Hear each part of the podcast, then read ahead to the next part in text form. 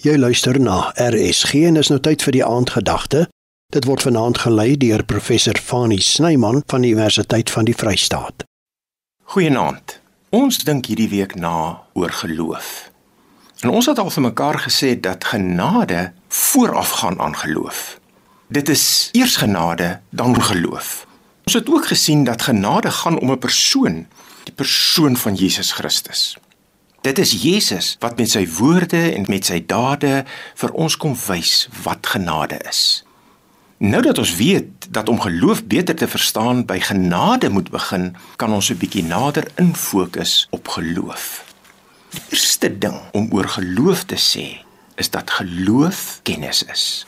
Om tot geloof te kom, moet 'n mens kennis hê. Geloof is nie 'n blinde sprong in die onbekende in nie. Geloof is nie 'n waagstuk nie. Geloof beteken dat ons kennis het van die evangelie wat God vir ons aanbied. Ons moet 'n begrip van die goeie nuus van die evangelie van Jesus Christus hê. Geloof beteken veral dat ons kennis van God het. Interessant, in Kolossense 1:10 is daar 'n gebed dat gelowiges sal toeneem in hulle kennis van God. Is daarom ook nie sonder betekenis dat die bekende 12 artikels gerig is op iemand en nie op 'n klomp reëls en regulasies en wette en rituele nie. Ons glo nie in 'n klomp dinge nie. Nee. Ons glo in God die Vader, die Almagtige, die Skepper van die hemel en die aarde.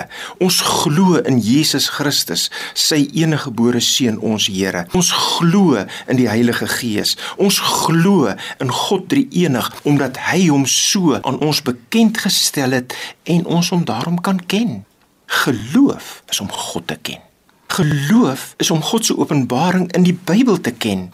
En daarom moet die Bybel maar 'n oop boek in ons lewens wees, want deur die Bybel leer ons God al beter ken en word ons geloof gevoed. Ons sê ons glo in God.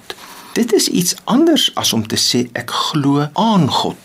Om aan God te glo beteken dat 'n mens glo daar is iets of iemand soos God.